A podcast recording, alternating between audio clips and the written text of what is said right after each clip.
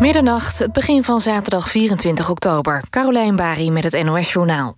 Farmaceutisch bedrijf Janssen uit Leiden gaat op korte termijn verder... met de ontwikkeling van zijn coronavaccin. Dat meldt de Washington Post. Het onderzoek werd vorige week stilgelegd... nadat bij een proefpersoon een onverklaarbare ziekte was geconstateerd. Ingewijden zeggen tegen de krant dat een onderzoekscommissie... tot de conclusie is gekomen dat er geen verband is met het vaccin. Op het plein voor het Cambuurstadion in Leeuwarden vieren tientallen voetbalsupporters dat Cambuur zo goed als zeker de eerste periodetitel wint in de eerste divisie. De Leeuwarders wonnen eerder op de avond met 3-0 van Roda JC. De supporters op het plein houden zich niet aan de anderhalve meter regel, is te zien op beelden van het feestje. Ze schreeuwen en steken vuurwerk af. Er is politie, maar er wordt nog niet ingegrepen. De GGD's lopen hun achterstanden bij het testen op corona in. Ook kunnen mensen eerder de uitslag van hun coronatest verwachten. De GGD verwacht binnenkort binnen 48 uur een uitslag te kunnen geven. En dat geldt ook als in het najaar veel meer mensen zich willen laten testen, zegt directeur De Gauw.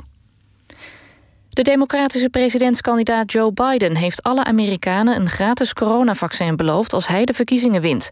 In tegenstelling tot president Trump verwacht Biden dat het nog maanden gaat duren voordat een vaccin op grote schaal beschikbaar is. De Amerikaanse verkiezingen zijn over anderhalve week op 3 november. Het Nederlands vrouwenelftal heeft zich gekwalificeerd voor het EK 2022 na een grote zege op Estland. Het kwalificatieduel in Groningen eindigde in 7-0. De eerste wedstrijd tegen Estland wonnen de Oranje Vrouwen ook al met 0-7. Het Europees kampioenschap is in Engeland. Het toernooi zou komende zomer plaatsvinden... maar is vanwege de uitbraak van het coronavirus een jaar verplaatst. Het weer, vannacht een enkele bui. De temperatuur ligt rond de 10 graden. De komende dag is het bewolkt en er kan een bui vallen. De zon laat zich dan maar af en toe zien en het wordt zo'n 15 graden. Zondag valt er enige tijd regen. Dit was het NOS Journaal. NPO Radio 1. VPRO. Nooit meer slapen.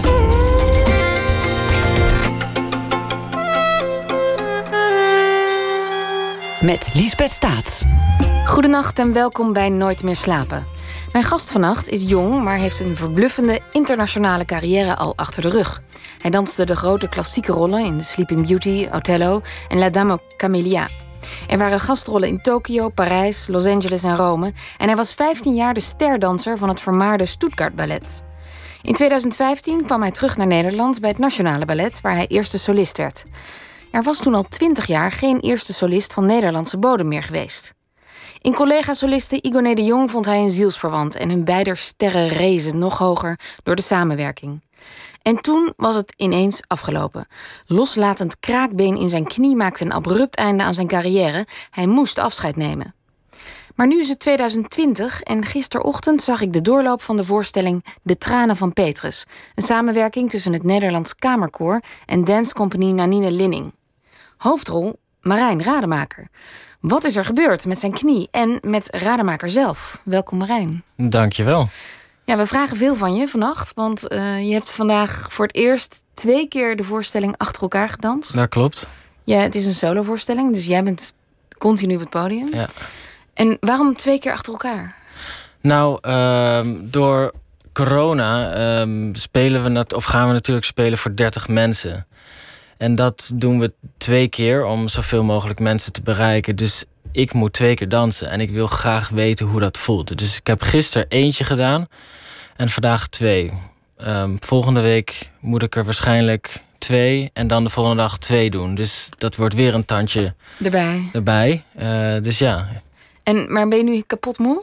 Ik ben wel hartstikke moe, ja. Ik ben oh. voldaan, want het, het, het was... Um, het was bijzonder. Het, het, hele stuk is heel erg bijzonder. En, en uh, de tweede keer um, is het zwaarder, maar emotioneel nog geladener. Dus ik ben wel voldaan, maar ook zeer moe, ja.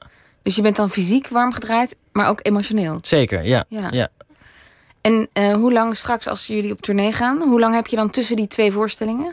Ik denk zo een uur aan anderhalf. Dus uh, niet lang. Nee, nee, dat is niet nee, zo lang. Nee, dan moet je beetje iets eten, denk ik, douchen, um, even rekken, weer een beetje opwarmen en dan nog een keer vanaf het begin het verhaal vertellen. Ja. Het was een prachtige voorstelling. We gaan er straks uh, veel over praten. Um, um, ja, 2018, ik zei het al, toen nam je afscheid. Nu is het twee jaar later. Is er een soort medisch wonder gebeurd? Want ik zag je weer dansen. Nee, nee. ehm, het uh, kraakbeen was er dus weer afgegaan. Ik had, ik had een goede revalidatie gehad. Ik, ik danste weer. Ehm, het is er weer afgesprongen, tenminste één van de twee stukjes. Dus Welke ik knie is het eigenlijk? Rechts. ja. Dus ik moest stoppen en ehm, dat heb ik toen ook gedaan en was er eigenlijk heel blij mee. Op een gegeven moment um, was ik daar niet meer zo blij. En nou, ik zal het even beter vertellen. Ik, ik, ik, uh, Ted Bransen, de directeur van Nationaal Ballet, heeft mij toen aangeboden toen ik ging stoppen om uh, assistent balletmeester te worden.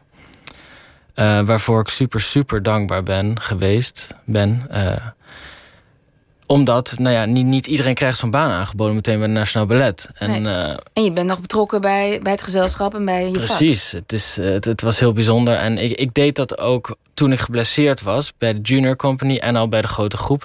En toen vond ik het hartstikke leuk. Uh, omdat ik waarschijnlijk nog de, die, die, um, die, toekomst, nou, die toekomstvisie had. Omdat ik, dat ik weer zou gaan dansen. Mm, toen ik daar zat um, als echte balletmeester, zonder, zonder die, die toekomstvisie, begon dat langzaam in me te dagen van: God, dit is mijn leven en ik ga niet meer dansen. Onbewust. En toen werd ik op een gegeven moment niet gelukkig. En dat, dat heeft een tijd geduurd voordat ik me dat realiseerde. En um, kreeg toen ook een burn-out. Moest echt stoppen, want anders uh, was ik daar gewoon letterlijk omgevallen. Dus dat was heel ongezond. Heftig. Ja, was heftig. Dat, dat, daar ben ik ook erg van geschrokken, want het is me nog nooit zo overkomen. Ik ben zo überhaupt niet. Ik kon altijd duizend procent doorgaan en werken. Weet je, dansers eigen pushen, pushen, pushen.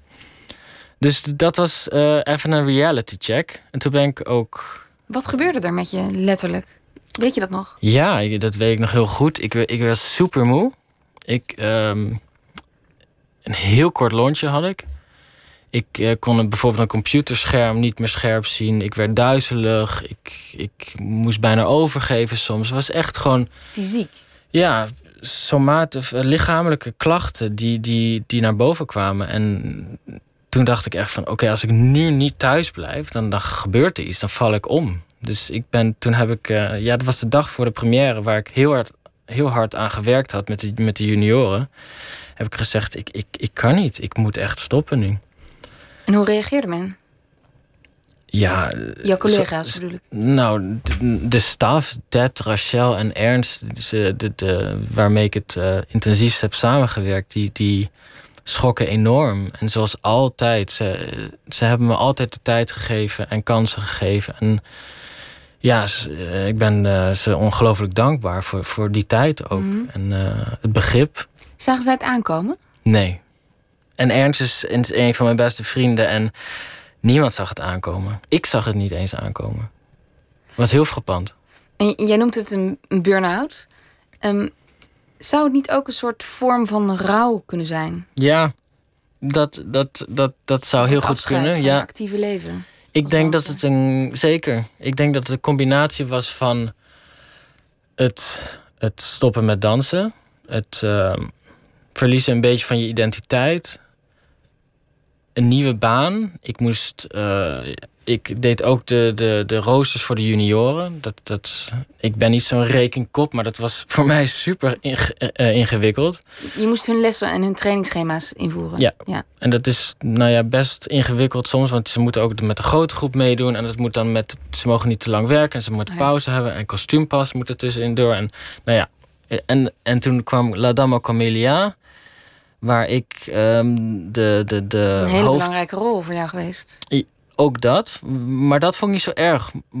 Maar ik, ik had grote verantwoording omdat ik ook uh, mede de, de eerste cast aan het coachen was. Omdat ik dat ballet natuurlijk um, zo goed kende. Dus er kwam heel veel op mij af.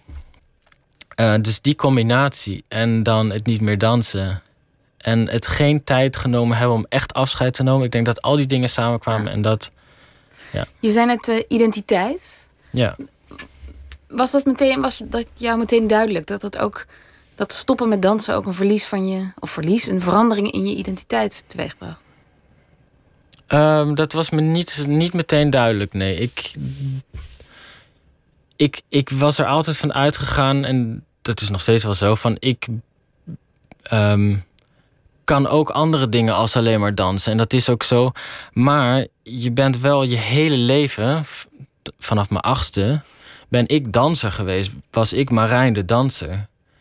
En als dat opeens wegvalt, ook al zit je nog in die wereld, ook al ben je balletmeester, je bent niet meer Marijn de danser, de eerste solist, de ster, bla bla bla, al die bullshit. Um, dus. Nou ja, bullshit. Nee, ja. Je bent er wel aan gewend geraakt. Ja, maar ik bedoel bullshit in die zin van je, dat ben jij niet. Ik ben Marijn. En ik kan heel veel dingen. Ik kan uh, heel veel dingen.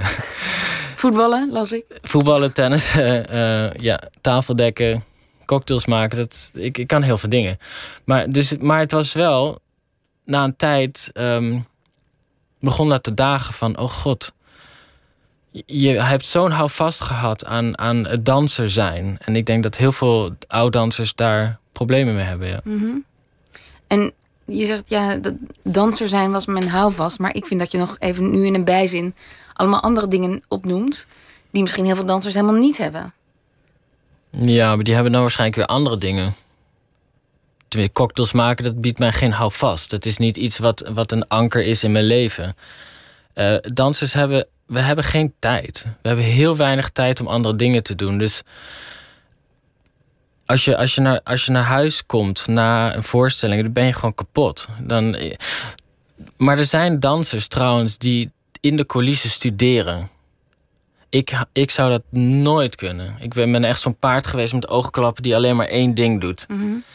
Maar nu zijn er mensen, en ik, ik denk dat er iets van nu is hoor, die echt gewoon economie studeren of rechten studeren. Dus het is ongelooflijk. In de coulissen? In de coulissen zitten ze daar met hun boeken en schrijven dingen op als ze even niks te doen hebben. Ja, ongelooflijk. En dat, dat is een enorme nou ja, kwaliteit in time management. Ja. Maar ook een soort toekomstperspectief. Want Ja. dansers gaan vroeg met pensioen of die kunnen vroeg stoppen of moeten stoppen. moeten vroeg stoppen door ja, lichamelijke nou ja, Ja, je, beperkingen. Je, beperkingen. Je kunt niet meer zo lang. eh. dus eigenlijk moet je een nieuwe baan vinden. Want niet iedereen wordt balletmeester of directeur of, of Nee. iets in de danswereld of lerares. Of, En had jij daar wel eens over nagedacht? Eh, ja, ik, ik wil altijd al een bar of een restaurant openen. Dat is al een, een droom voordat ik eh, ging dansen. Ik heb vroeger altijd, eh, vond ik het heerlijk om wat, wat ik net beschreef, tafeldekken. Bij kerstmis, dan trok ik een, een mooi pak aan met een strikje. En eh, ik vond het leuk om oliebollen te verkopen met een kassa die ik net had gekregen. En met Monopoly geld en Mhm. cocktails maken. Ehm, ik heb feestjes thuis georganiseerd met, eh, met eh, een vriend van me. Dus eh, ja, dat, dat lijkt me heerlijk. En dat is echt een passie van me. Dus dat wil ik zeker ooit gaan doen. Ik las of ik hoorde van de collega die jou al heeft gesproken. Die zei ja, hij had bijna een restaurant in Stuttgart gekocht. Het ging net niet door. Ja, dat klopt. Ik, ik zag toevallig iets op Instagram. Een ontzettend mooie ruimte met van, die van die gewulben. Zo'n heel mooi dak. Gewelven. Eh, gewelven, precies. Sorry voor mijn Nederlands. Ik ben half verduidst. 75% verduidst. Ik zag een heel leuk interview met jou op YouTube uit 2010. God, En daar spreek je echt met een zwaar Duits Ja, accent Nederlands. ja. Maar dat is nu eh, bijna weg. gelukkig. Ja. Maar goed, dat, dat, die ruimte zag het super mooi uit. En ik dacht, nou, dan ga ik een balletstudio maken. Want ze vroegen hulp om, om daar iets moois van te maken. Nou, toen nam ik een vriend mee die 25 jaar lang ervaring had in, in, in de eh, horeca in, in Stuttgart. En die zei, wauw, nou, hier, hier kun je een gigantisch, het, het grootste restaurant van, van Stuttgart van maken. En die wilde met mij... Grote brasserie of zo? Ja, Ja. zoiets. En twee grote kelders. Maar goed, dat ging niet door. Eh, door corona en andere dingen. Maar als we dat hadden gedaan, was het had ik deze zomer een eh, restaurant gehad. Ja. Jeetje. Ik hou wel van risico. En eh, nieuwe dingen proberen. En ik, ik, ik blijf gewoon open en kijken wat er op mijn weg komt. Op je pad komt. Ja. Maar nog even terug naar die tijd dat, dat die burn-out zich aandiende. Ehm, nu, nu praat je over allemaal perspectieven en andere dingen die je kunt doen. En restaurants die je eventueel gaat openen. Op dat moment was dat natuurlijk anders. Want toen kon je alleen maar op de bank liggen, neem ik aan, en wachten tot het overging. Hoe is het overgegaan? Hoe ben je eruit gekomen? Ehm, het was eng, want ze, ze zeiden het, het percentage wat echt beter wordt is... eh, God, ik weet niet meer welk percentage ze noemden... maar het is niet zeker dat je ooit weer zou kunnen dansen. Dus ten eerste op die bank liggend en dat te denken van... ga ik ooit nog dansen, vond ik heel eng. Daar kwam die identiteitscrisis ook een beetje eh, van eh daan. En ehm, ik heb gewoon heel hard gerevalideerd en gewerkt. En ik heb vertrouwen gehad. Ik had een super professor, professor Saris van het UMC... ehm, die die stamceltransplantatie gedaan heeft. En eh, ik heb die protocollen gevolgd. Ik heb hier met een hele goede fysiotherapeut gewerkt. En zo ging dat na een jaar of anderhalf, bijna twee... kon ik weer heel goed dansen eigenlijk. En springen en zo. Maar het heeft heel veel gekost. En ik heb al zoveel... Ik had al zoveel fysio gedaan en, en operaties gehad. En het, het was moeizaam. Maar dit, je hebt het nu over de operatie in 2015. Ja, Ja. En daar ben je weer helemaal van gerevalideerd. ja, Toen ben je weer gaan dansen. ja. Toen werd je weer, was je gewoon weer de solist. Maar toen je in 2018 stopte... Oh, je had het over 2018, Ja. sorry. Nee, dat maakt niet uit. Maar die, ehm, toen, toen dacht je, ja, dit gaat niet meer. Ik heb zo hard gerevalideerd. Ik heb zo hard gewerkt. Ik kan niet harder Ja. herstellen. Ja, dat was echt, dat was echt een shock. Het- ik was in Stuttgart en ik deed het afscheidsgala voor mijn oude directeur Reed Anderson. En in de les gebeurde het. Klak, een stuk kraakbeen zwom opeens in mijn knie rond. En soms moet je hem even, je voelt hem daar dan zitten en, het- en dan druk je hem zo ploep terug in de knie. Ik nooit hoor. Nou ja, je voelt wel. er niks van, maar het, het, het is heel raar. Dit Oké. zweeft er dan in. En ik deed die dag een, een MRT en hij zegt van, nou, het stukje is eruit. Hier zie je het gat, anderhalf centimeter van je kraakbeen weg. Dus ik was echt, ik was kapot. En ik heb ook meteen gezegd, nou, ik doe dat gala en that's it. Ik heb Ted gebeld, Igor gebeld en... eh, ja, ik was helemaal kapot en boos en verdrietig. En, ehm, maar ik heb die beslissing dus ontzettend snel ge- gemaakt. En nu gezien, naar de hand gezien, is, is dat veel te snel geweest. dat je doorging. Nee, dat ik die beslissing om te stoppen heb gemaakt. Te snel. Ja, ik heb uit, uit boosheid ehm, aan die knie Ja. heb ik gezegd van ik, ik, ik doe dit niet meer. De- Ik heb daar te veel, ik heb te hard gewerkt, te veel daaraan gewerkt. Nu is dit weer gebeurd en ik, ik kan gewoon niet meer door. Ik wil het niet meer. Dit is te, te veel. Maar bedoel je dat je daar misschien spijt van hebt? Dat ik toen gestopt ben? Ja? Ehm, ik vind dat altijd zo moeilijk, want je weet gewoon nooit wat, wat, wat het geweest zou zijn. Dus spijt eh, denk ik niet. Maar ik, ik, ik, zou, ik heb spijt van dat ik niet meer tijd genomen heb om die, die beslissing te maken. Want een beslissing uit boosheid nemen, dat is geen bewuste beslissing. En ik wil graag bewust zijn van dingen die ik doe. Zeker als dat die zo. ehm, hoe zeg je dat? eh, gro- gro- ah, zulke grote beslissingen zijn. Ja, Met zoveel consequenties. precies. Ja. Ja. En dat heeft er misschien dan ook toe geleid dat die boosheid later terugkwam in de vorm van een burn-out of zo. Ik denk het zeker. Ja. Daar heb je gewoon een terugslag van gekregen. Ja. Ja. En hoe ben je daar uitgekomen? Door heel, ten eerste heel veel rust eh, heb ik genomen. Ik, ik kon niet eens een koffie met, met, met een vriend drinken of ik werd alweer duizelig. Dus ik heb echt rust genomen en ehm, ik heb met een therapeut gepraat. eh, en dat heeft heel erg geholpen om, om dingen te, te relativeren. En eh, veel met mijn vriend ben ik geweest. En ehm, op een gegeven moment worden de dingen dan eh, duidelijker.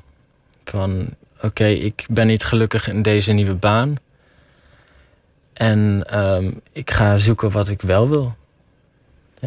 En jouw vriend Matteo, die een danser is in eh, Duitsland, in Stuttgart, die heeft jou letterlijk van de bank geholpen. Ja, Wat zei hij tegen je?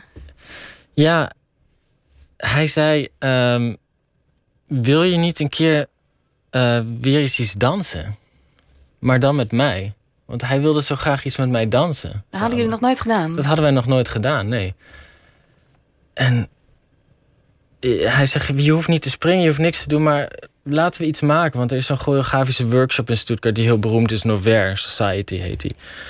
En ehm, daar kunnen dansers iets maken en dan laten zien. Dus hij zegt, laten we iets, samen iets maken en dan daar dansen. En toen, toen dacht ik, god, heb ik het met mijn beste vriendin erover gehad. Alessandra, die danst in Monaco. Die zei, waarom niet? Probeer het gewoon. Ik, maar ik ben net, toch, toch net gestopt. Ik ga toch, toch niet weer dansen? Maar waarom niet? Dus toen heb ik het gedaan. En het, het was uh, heel spannend, maar superleuk. En hoe ging dat met je knie? Ja, dat ging goed, want ik kon die stappen zelf bedenken. En ik heb uh, natuurlijk fysiotherapie gedaan, en, uh, maar niet te serieus. Het, het was ook heel speels. dus, en er was no pressure. En dat, dat was het fijne eraan, ja. En toen danste je weer? En toen danste ik weer. En choreografeerde ik ook weer na een hele lange tijd voor het eerst. Wat ik ook heel erg opeens weer heel erg leuk vond. En ja, dat, dat no pressure, dat probeer ik dan nu nog vast te houden. Van ik kan mhm. mijn eigen dingen uitzoeken. Ik kan. Kijk, als ik nu met Nanine creëer, dan kan ik aangeven: oh, dat, dat doet misschien pijn of dat is niet zo handig voor die knie. Nou, dan werken we eromheen. Dus als een freelancer is dat natuurlijk veel, veel makkelijker als dat je in een, in een groep zit. Ja, en die klassieke balletten zijn natuurlijk ook veel meer gezet. Oh ja, en, dat, dan, en veel zwaarder waarschijnlijk. Ja, die techniek die, die is, kan ik nu echt niet meer. En dat wil ik ook niet meer. Dat, dat is echt voorbij. Ja. En de techniek, bedoel je dan springen of ook overal? Uh, nou, die klassieke ballettechniek is heel erg uitgedraaid en heel erg precies. Kijk, omdat ik geen Zwanen meer of Sleeping Beauty meer dans, hoef ik dat niet meer zo precies te doen. Dus um, ik denk dat ik een, een, andere kant op ga op dit moment. Ja. Ja. ja, over die voorstelling gaan we praten. De tranen van Petrus. Hoe kwam die op je pad? Um, hoe kwam die op mijn pad? Peggy Olieslagers, zij werkt op dit moment bij, bij het Nationaal Ballet. Uh, en een hele goede vriendin van Anine Linning ik heb het met Peggy heel uh, een paar, paar keer gehad over mijn choreografieën. Ze, uh, ze, is, ze, is, een ontzettende, uh, bijzondere vrouw met een ontzettend goed oog voor dans. En zij is choreograaf ook? Zij is choreograaf. Ze, is, um, ze, ze werkt in het Nationaal Ballet. Ik weet haar titel even niet, maar ik denk dat ze daar dingen aan het opschudden is. Ze stelt kritische vragen aan iedereen in het gebouw. Aan de dansers, aan de directie. Dus het is, het is super interessant. En ik vond haar super interessant, dus ik heb het een paar keer met haar over uh, kunst en choreografie gehad. En uh, Nanine werkt vaak met haar samen.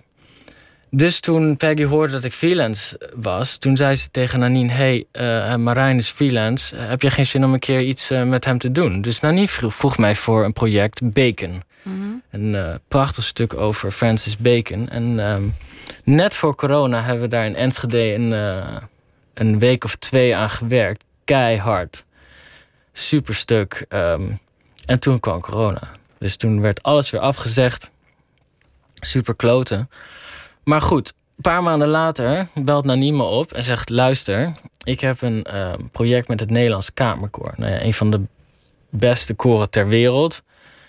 Um, de tranen van Petrus, ken je dat? Nee, ken ik niet. Maar ja.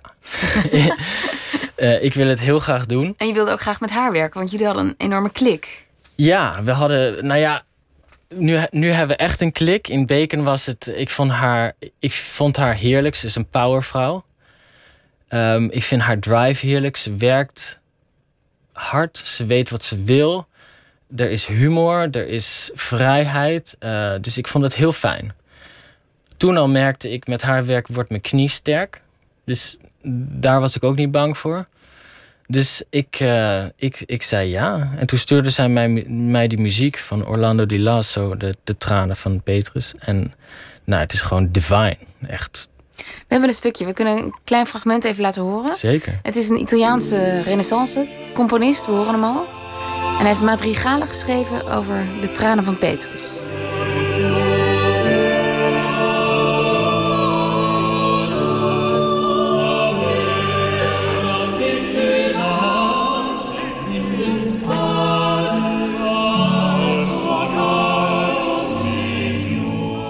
Orlando Di Lasso, de tranen van Petrus, uh, hoorden we. Een kort fragment, want dat zijn 14 madrigalen. Hoeveel zijn het er? Uh, 21. 21 Ja. zelfs. Ja. Ja. Die worden gezongen door eh, zeven zangers. Klopt. En eh, ja, nu moeten we het even hebben van mijn Bijbelkennis. Maar het verhaal gaat over eh, Petrus, de apostel, die nadat Jezus is gearresteerd, eerst verraden door Judas, dan gearresteerd door soldaten. En dat leidt tot zijn kruisiging. En als Jezus afgevoerd is op de Olijfberg, dan vragen omstanders aan Petrus: eh, wie is die nepkoning, die Jezus, ken jij die? En dan drie keer ontkent hij dat hij Jezus kent. En dan kraait de haan. En dan begint het verhaal van de tranen van Petrus. Waar, waar gaat het voor jou over? Het verhaal van Petrus gaat voor mij over. ehm, het verhaal van de schuld, van, van het verlogenen van een ideaal, van, van je geloof. Eh, ehm, Petrus heeft dus zijn hele leven gepredikt van ik zou jou nooit ehm, verraden of eh, ontlogenen. En Hij was een soort lievelingsapostel ook. ja, zeker. Een heel close, close vriend. De klooster. Ja. En ehm, toch aan het eind, want, want de haai kraait, kraait geloof ik al van tevoren als, als eh, waarschuwing. En eh, ik geloof dat de haai, de, de, de haai, de haan twee keer kraait. En toch zegt hij van nee, ik, ik ken Jezus niet. Dus, en het- verhaal begint en voor mij begint het in shock. Van, heb ik wat is er nou net gebeurd? Wat heb ik gedaan? Dus hij gaat door al die stages van shock. Ehm, het, de realisatie van, oh god, ik heb het echt gedaan. Het verdriet, de woede, dan de acceptatie. Na de acceptatie komt dan, ehm, oké, we kunnen door met het leven. Eh, hij wordt dan ook de, de rots, geloof ik, genoemd, omdat hij zijn trots eerst moet laten vallen om dan het, het geloof of de geest van God of Christus mee te nemen om dan de eerste paus te worden. Dus het is een, ehm, het is een hele trip om, om die voorstelling te dansen. Het is echt een, een, een levensverhaal voor mij. Ja. Want jij, dat heb ik, hebben we nog niet vermeld, maar jij speelt Petrus. Ja. Jij bent Petrus. Ja. En je danst ehm, tussen een soort grote glazen, plexiglazen zuilen... waar de zangers van het Nederlands Kamerkoor in staan. Ja. Mijn eh, door corona al helemaal afgestelde eh, brein dacht meteen... oh, dat is vanwege de aerosolen. Die, daarom, daarom staan ze in die eh, plexiglazen zuilen te zingen. Wat esthetisch ook prachtig is. Maar ik sprak Nanine tijdens de doorloop en die zei... nee, nee, nee, ook, ook al was er geen corona... dan had ik ze daar ook neergezegd. Omdat het ook gaat over isolatie en eenzaamheid... en in je eentje ervoor staan. Ehm, je moet enorm met hen in interactie. Je danst bijna met ze. Heb je, dat- heb je dat voor het eerst gedaan? Is dat, heb je dat vaker gedaan? Ik heb nog nooit met, met zangers zo, zo close samengewerkt en nog nooit met ze gedanst. En het is een, een hele mooie ervaring. Ik, eh, ze, ze hebben het.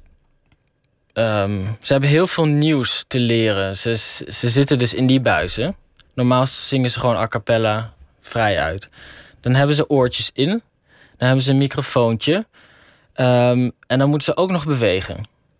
Nou, ze doen het fantastisch. Ik vind het, ik vind het zo, zo goed. En het is zo bijzonder om daartussen te staan. En ehm, het, wat ik ook zo bijzonder vind, we Wat, beginnen. wat brengt het jou als danser? Dat je, want je zou kunnen zeggen, ik ben dus niet alleen op het podium. Ik ben niet de enige die beweegt. Ik voel me heel alleen op het podium. Het is, want ze staan, in die, ze staan dus in die buis. En het is, het is. Ik weet niet hoe ik het moet uitleggen. Het is heel raar. Want je weet dat het live gezongen wordt.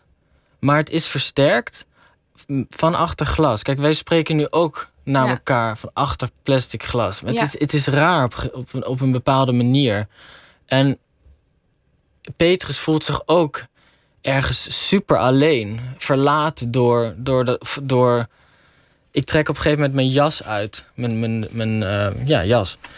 Het is een soort van het verlaten van het goddelijke. Dat goddelijke, dat, dat hoort niet meer bij mij. Dat, is, dat ben ik niet waardig. En ja, die, die, die, zij staan ook in een cel afgeschermd van mij. Ik ben dat niet waardig. Want zij vertellen het verhaal van Petrus. En soms uit het perspectief van perspectief van Petrus, soms uit het perspectief van Jezus of God.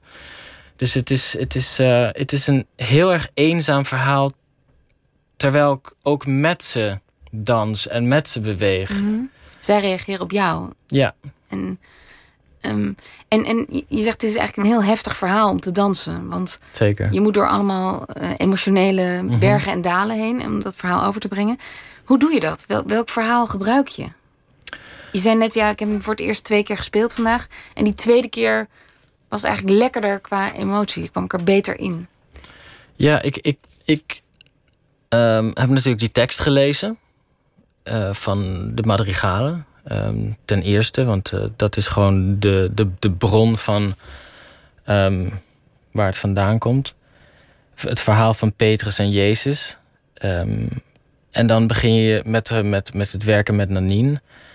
En dan heb je natuurlijk levenservaring. En ik denk dat ehm, dit verhaal hartstikke actueel is. Iedereen heeft schuld en spijt en heeft dit soort gevoelens meegemaakt. En het heeft door eigen toedoen een, een ideaal eh, vernietigd. Dus er komen. Hoe bedoel je? Nou, bijvoorbeeld, eh, God, even een voorbeeldje. Zeg je, je hebt een beste vriend. En ehm, je hebt hem zo pijn gedaan door, door wat je gedaan hebt of, of door iets dat je gezegd hebt. En die- vriendschap is kapot. En het was je beste vriend. En dat wordt nooit meer goed. Die vriendschap die je zo dierbaar was voor 25 jaar lang, dat Mhm. komt nooit meer terug. En ja, of het is je vrouw of je man of je moeder. Dus zo'n dierbare relatie, dat, dat zoiets kapot gaat, dat is eh, levensveranderend. Mhm. En, en, en aardverschuivend. Ja, en letterlijk aardverschuiving. Letterlijk Want Er aardverschuivend. zit een scène in Ja. dat er, die lijkt op een aardbeving in Ja. ieder geval. Ja. Dondert en rommelt dan Zeker. op het toneel. En aan welk verhaal denk jij dan als je, als je dat speelt? Heb jij een persoonlijke ervaring die je daarin kan gebruiken? Nou ja, ik ben getrouwd geweest. En ehm, er zijn dingen die ik gezegd of gedaan heb die ehm, dat kapot gemaakt hebben. Dus dat, daar heb je spijt van, daar heb je schuld aan. Ehm, en die, ervaringen, die, die neem je ontzettend mee. En daaruit kun je putten. En ja, het is ergens ook ja, prachtig om daaruit te putten. Het is ook een soort van verwerking. Het is, eh, is gewoon het leven. En lukt dat elke avond of elke repetitie? Nou, ik moet je zeggen, de eerste doorloop vandaag, daar zat ik een beetje van. Weet je, je kunt niet elke doorloop of elke voorstelling er helemaal in zitten. Dat, dat kan niet. Dit, en ja, dan, dan probeer je het of je laat het en dan kijken wat er, wat er dan ontstaat. Want als je, we hadden het net over het proberen te gaan slapen. Als je probeert te slapen, dan lukt dat niet. Dus als ja, je voor de uitzending hadden we het. Ja, ja. eh, als je probeert echt vol in een stuk te komen, als je, als, het, als je er niet in zit, gaat het niet lukken. Dus ik heb naarmate de jaren verstreken zijn, heb ik geleerd het te laten. En dan, en dan misschien in het eind van het stuk zit je er wel in. Ja. Maar dat is iets heel persoonlijks. Hoor. Want misschien zegt Nanine, oh, ik vond de eerste beter. Of dat, dat, dat is Nee, maar ik, vraag naar jouw ervaring. Dus ik- het lijkt me onwijs een, een opgave om iedere keer dat verhaal ook te ervaren.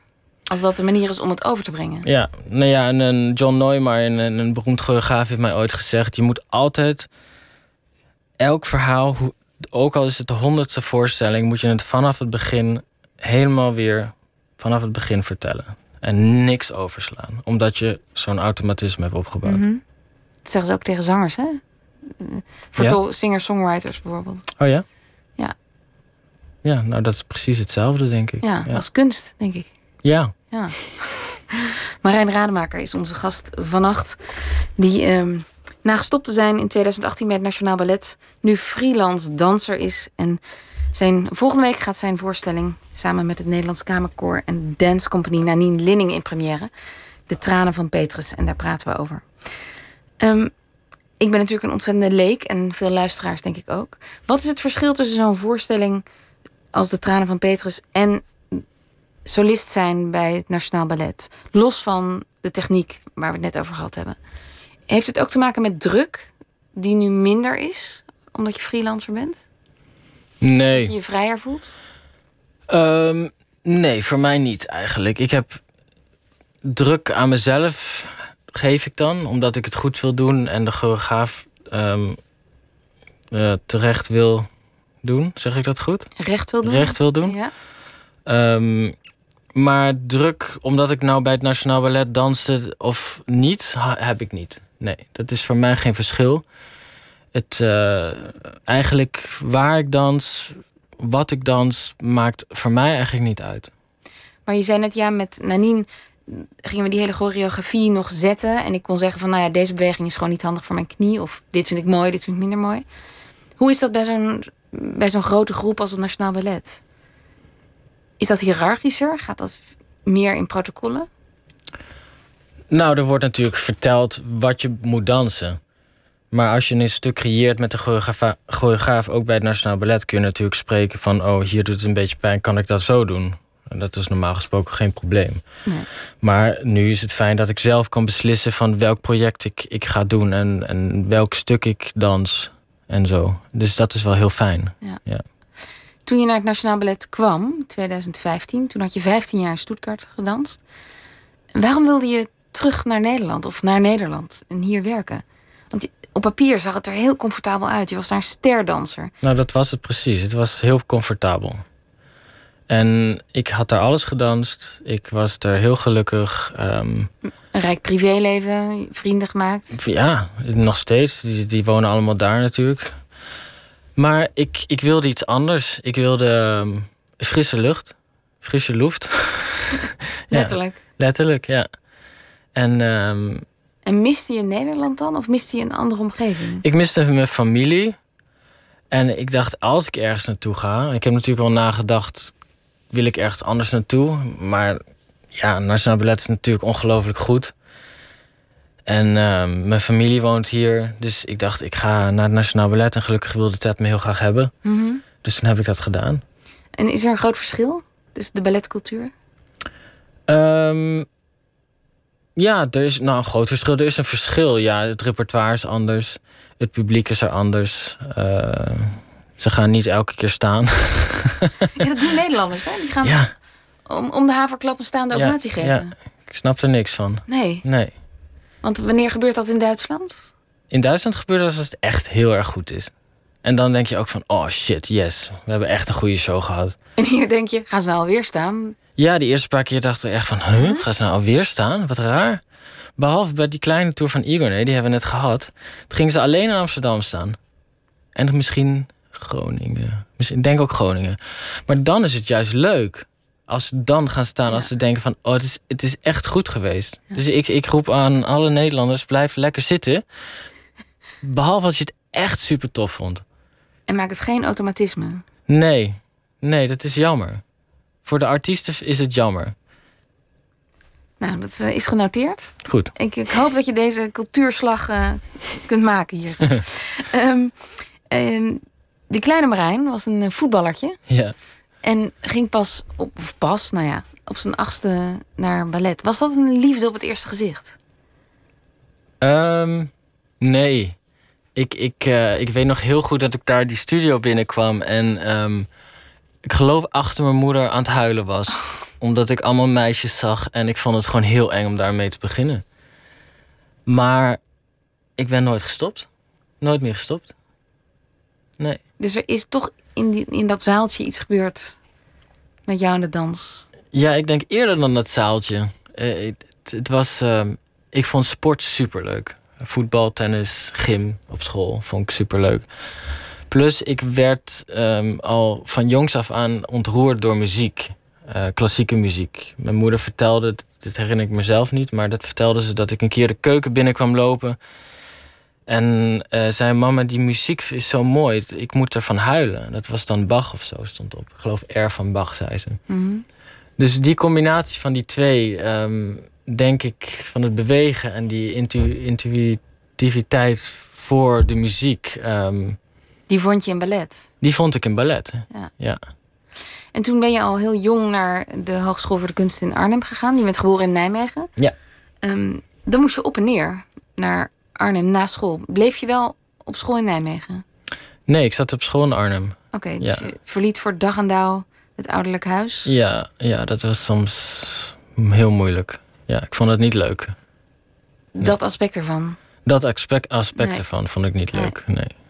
En toen ging je naar het eh, conservatorium in, Den Haag. Mhm. En moest je uit huis eigenlijk op hele jonge leeftijd. Ja. Van maandag tot vrijdag. Dat is heel gebruikelijk voor conservatoria. En zeker mhm. voor die dansopleidingen. Hoe kijk je daarop terug, op die, op die jeugd? Want je broer Gijs, Gademaker, die heeft gezegd toen jij in 2015 terugkwam naar Nederland. Ja, en we zijn elkaar eigenlijk twintig jaar kwijt geweest. Ja, dat is zo. Twintig jaar, dat is lang. Ja, dat hebben we ons eigenlijk ook helemaal niet gerealiseerd. Wat, wat eigenlijk heel vreemd is. Uh, maar het is wel waar. Uh, hoe kijk ik daarop terug? Uh, ja, het. Weet je, je, je doet het dan. Um, en ik woonde nog bij familie. Ik woonde bij mijn oom en tante in Oostgeest. Dus dat is ook nog anders dan in een heel vreemd gastgezin. Mm -hmm. Maar je had wel heimwee? Ik... ik had heimwee. En ik denk dat ik gewoon mijn ouders heel erg gemist heb ook. En um, ja, dat, dat, dat is gewoon zo. Eh, dat, ik weet niet zo goed wat ik daarvan moet vinden. Dat is... Het is het. Nou ja, uh, ik kan me voorstellen dat als je tien bent, of veertien of achttien misschien ook wel dat je eigenlijk niet weet wat je mist. Want dit is gewoon je leven en je doet iets wat je heel leuk vindt. nou, dat is het. Je, je, je, je doet het dan, omdat je het dan gewoon doet als kind. Um, en maar daarna zie je dan, god, ja, ik heb toch wel wat gemist. Maar goed, als, als balletstudent en ik denk als muziekstudent, je, je, je mist gewoon de helft van je jeugd. Je, je speelt niet, je, het is gewoon werk. Het is werk. Het, het, is werken, ja. Je moet, nou ja, het is natuurlijk je passie. Ja. Maar het is, maar het is professioneel. Het is professioneel. Het is, Je moet keihard werken. Het is niet vrijblijvend. Nee, zeker niet. Het is geen hobby. Maar dat is in Nederland, blijft dat altijd de discussie. Hè? Kunnen kinderen al bepalen dat ze dat leuk vinden? En ehm, moeten we kinderen daar niet voor beschermen? Is het niet inderdaad werk, te veel werk? Je doelt nu ook op het turnen en zo? Ja, dat soort dingen. Ja, ja dat, dat is een moeilijke alle, vraag. Alle sporten of hobby's die professioneel worden op hele jonge leeftijd. Ja, als je ergens goed in, in wil worden, uh, op, op, op een heel hoog niveau, moet je daarvoor werken. En dan moet je af jongs af aan beginnen. En natuurlijk moeten kinderen ontzettend goed begeleid worden. En ze moeten het heel graag willen. En uh, de ouders moeten, daar, moeten zich van de, de dingen bewust zijn die dat kunnen veroorzaken. En, en uh, goed begeleid worden. Dat, dat is denk ik heel belangrijk. Maar, en waren dat in jouw geval jouw ouders die je goed begeleid hebben? Mijn ouders hebben me heel ontzettend goed begeleid, ja. En, en hoe ziet zo'n goede begeleiding eruit? Waar, waar um, of misschien moet ik het anders vragen, hoe ziet een slechte begeleiding eruit? Een slechte begeleiding zou eruit zien van nee, je moet dansen, want ik wil dat je ballerina wordt, of ballerino. Dat, dat, maar mijn ouders hebben altijd, altijd gezegd: als je het niet meer leuk vindt, dan hou je op. Ze hebben altijd gevraagd: vind je het leuk? Wil je, wil je graag naar die school? We zijn altijd in gesprek geweest. Bijvoorbeeld toen ik um, de Nationale Balletacademie wilde mij heel graag hebben. Op een jonge leeftijd. Dat, dat is Amsterdam, toch? Dat is Amsterdam. Ja. Maar toen zeiden we, dat, hebben we, dat weet ik nog heel goed, daar hebben we een, een lang gesprek over gehad. En ik was nog jong. Hoe oud was je toen? Um, tien of zo. Tien of, ja, tien. Toen zeiden we nee, want ik, ik, ik wilde nog thuis wonen. Zij wilde nog dat ik thuis kwam. Uh, dus we zijn naar Arnhem gegaan, want dat was lekker dichtbij. Dus daar ben ik heel erg dankbaar voor dat, dat we dat gedaan hebben. Dus ja, ik denk dat, dat kinderen. Um, dat dat ook meewoog, dat je gewoon nog thuis sliep op die zeker, leeftijd. Zeker, ja. ja. ja. ja. Um, in andere landen gaat het ook op dansgebied heel anders. Is het veel serieuzer? Is dat ook een oorzaak dat er bijvoorbeeld niet zoveel Nederlandse mannen dansen? Ja, natuurlijk in Rusland en, en Frankrijk heb je een, een, een grotere danscultuur uh, vanuit de geschiedenis al. Plus de work ethic is gewoon harder. Ik denk dat Nederlanders een beetje nuchter zijn van... ach god, ik doe wel een uurtje per dag en dan, dan zien we wel.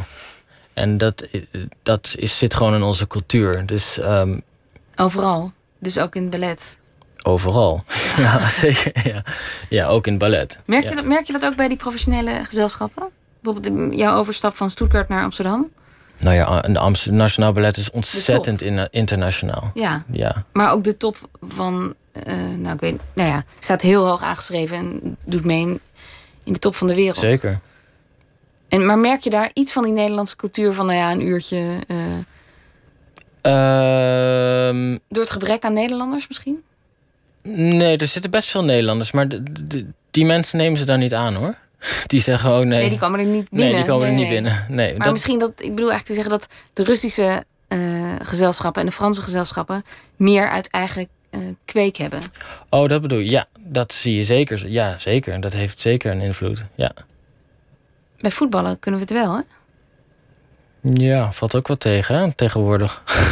Maar die opleidingen, daar wil iedereen bij. Ja, nee, dat is waar. Voetbal is natuurlijk een ontzettende hype. Uh, ja. Tenminste, we hebben nog een grote voetbalgeschiedenis hier. Geen grote balletgeschiedenis. Nee. Je zei een keer in een interview... Uh, ja, vergeleken met profvoetballers... Uh, of nee, vergeleken met ons dansers... doen profvoetballers eigenlijk heel weinig op een ja. dag. Ja, denk je dat profvoetballers van uh, tien uur tot zes uur s'avonds... Zes, zes keer per week bezig zijn? Nee. Ja, I don't know. Ik... Nee, echt niet. Nee. Nee.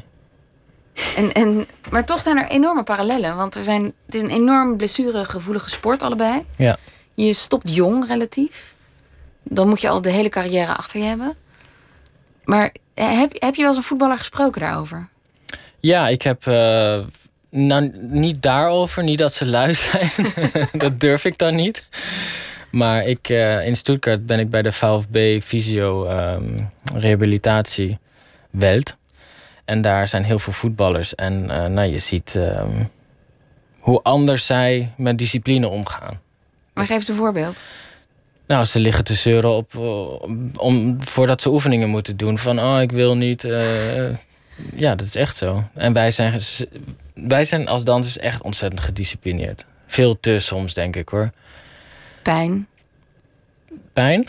Nee, dansers hebben pijn en gaan door. Ja, precies. Ja. En, en voetballers, nou, dat weet ik eigenlijk niet. Ja, ik weet het gewoon niet. Ik denk dat voetballers ja, meer mietjes zijn dan. Uh, ja, dat is natuurlijk een stom woord.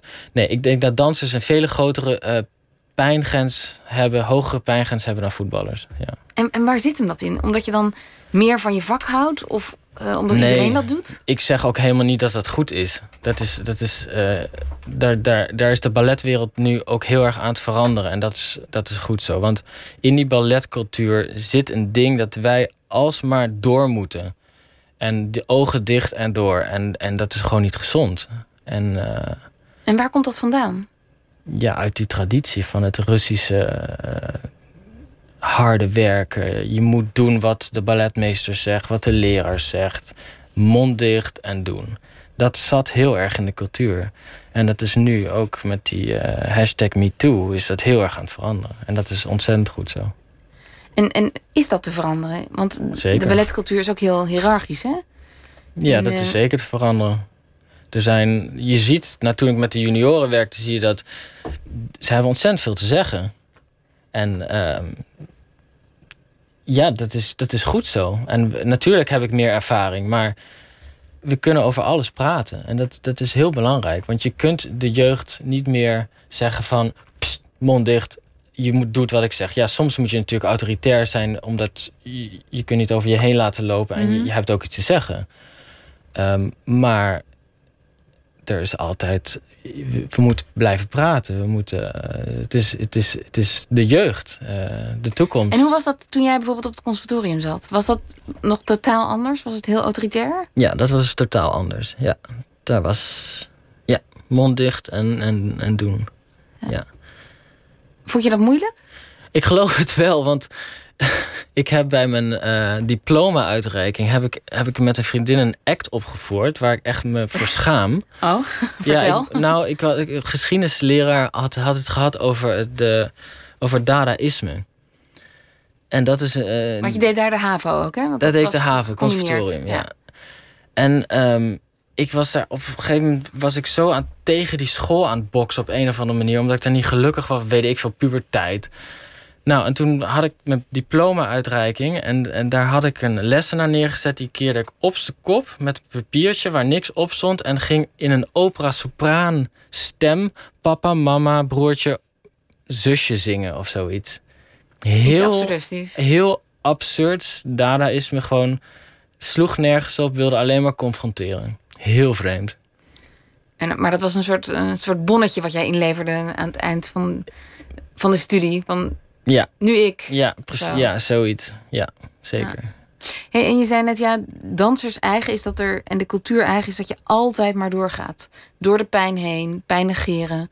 En eigenlijk als het stuk is, dan pas aan de bel trekken.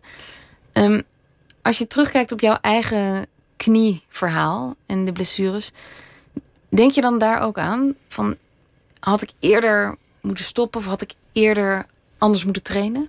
Ja, mijn hele carrière eigenlijk. Ik heb, geloof dat ik 14 keer ben geopereerd. 14 keer? 14 keer, ja. Aan diezelfde knie? Nee, aan de, nou ja, mijn knieën geloof ik zeven keer en de rest ergens anders.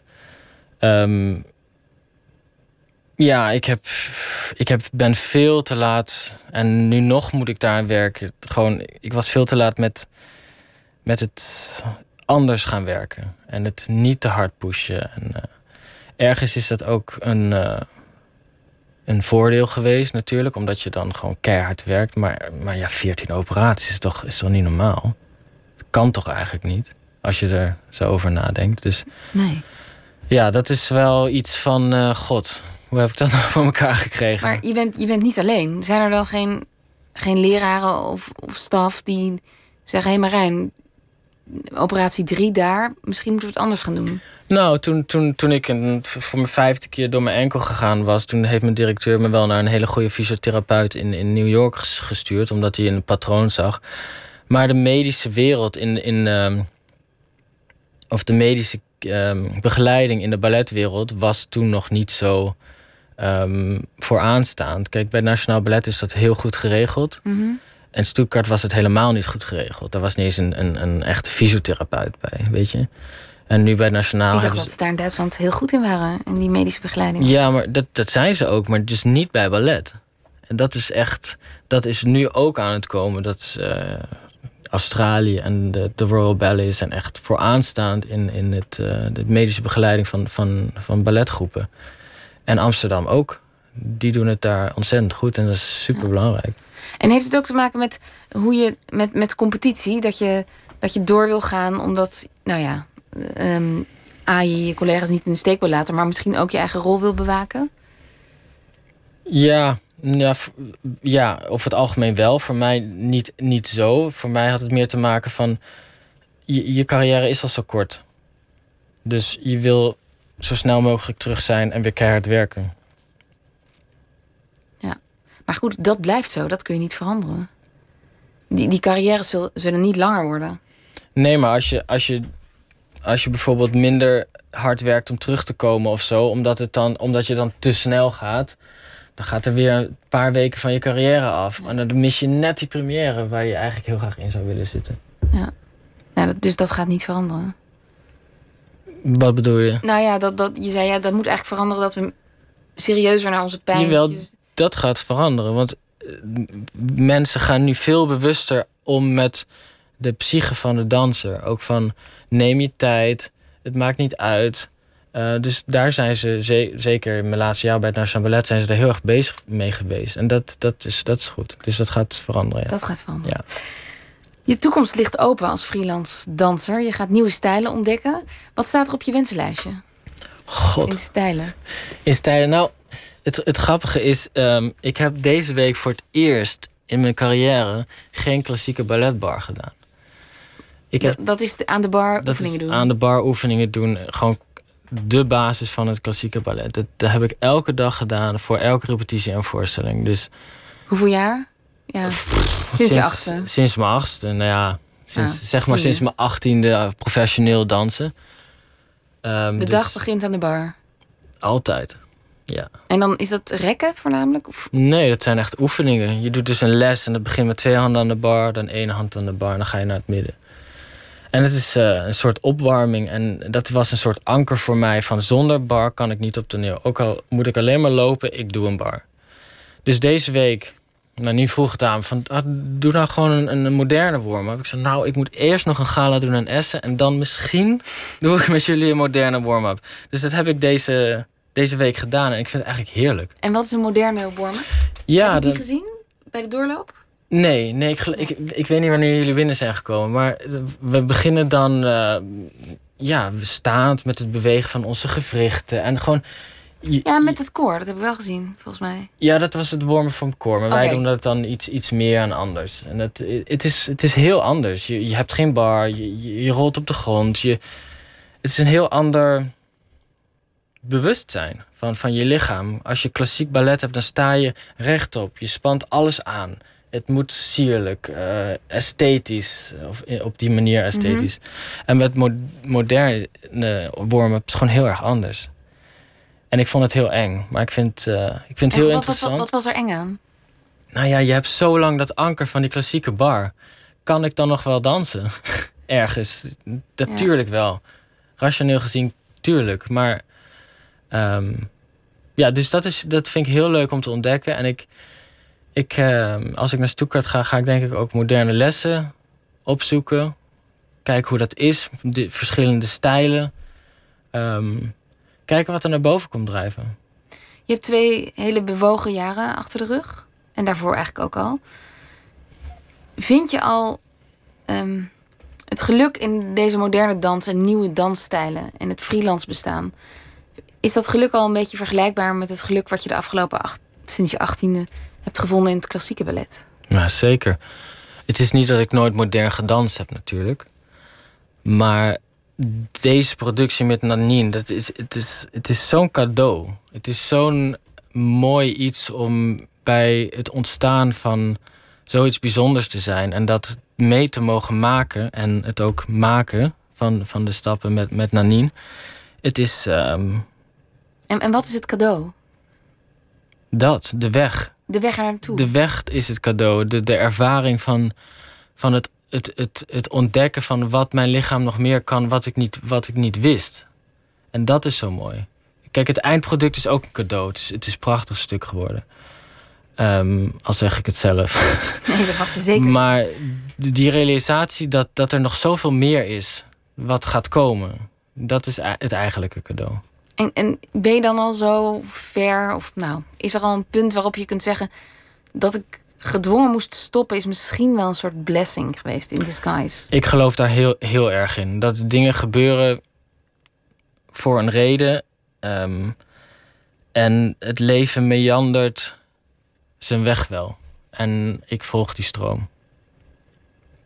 Dat klinkt heel zen, eigenlijk. Ja, ik ben, ik ben eh, daar heel erg mee bezig. En ik geloof, geloof heel erg ehm, in het niet forceren van dingen, maar het laten gebeuren. Als je geen ruimte laat voor dingen om te komen.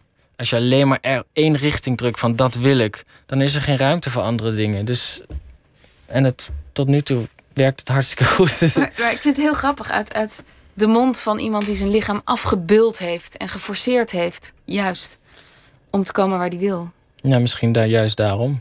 Die zegt nu ja. Misschien moet je eigenlijk helemaal niets forceren. Ja. Daar heb ik nog niet zo over nagedacht. ja. Ja. Ja. Maar toch zou je het wel nog steeds opnieuw doen, toch? Deze hele carrière. Die begon op je achtste en eindigde als internationale ster. Zeker weten. Ik zou wel dingen anders doen. Lichamelijk voor, vooral. Wat is je tip aan jonge dansers die het allemaal gaan terugluisteren? Ehm, ten eerste, heb ontzettend veel plezier. En luister ontzettend goed naar je lichaam. En volg je passie en je hart. En luister goed naar je lichaam, ja. En luister goed naar je lichaam. Die onderstrepen we dan even. Ja. Dankjewel, Marijn Rademaker. Jij bedankt. Volgende week gaat je voorstelling De Tranen van Petrus in première. En nou ja, ik weet het even niet uit mijn hoofd, maar jullie gaan door het hele land, toch? Ja, we beginnen in Utrecht, Tivoli, de 31ste. En dan... eh, Dat kunnen mensen wel googlen. Ja, Ja, precies. komen kijken. Er zijn nog kaarten, zag ik. Tot zover Nooit meer slapen deze week. En maandag zijn we er weer. En dan is Sylvia Witteman te gast. Overdag bang en s'avonds dronken is de titel van haar nieuwe boek. Over van ouderdom instortende ijskasten, te lang naar de Voice of Holland kijken... en twee katten die elkaar het leven zuur maken in huis. Dat maandag. En ik wens u nog een heel goede nacht.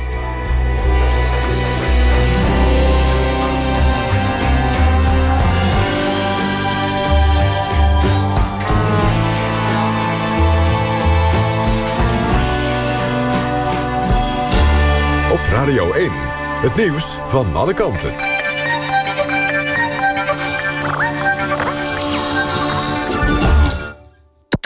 NPO Radio 1.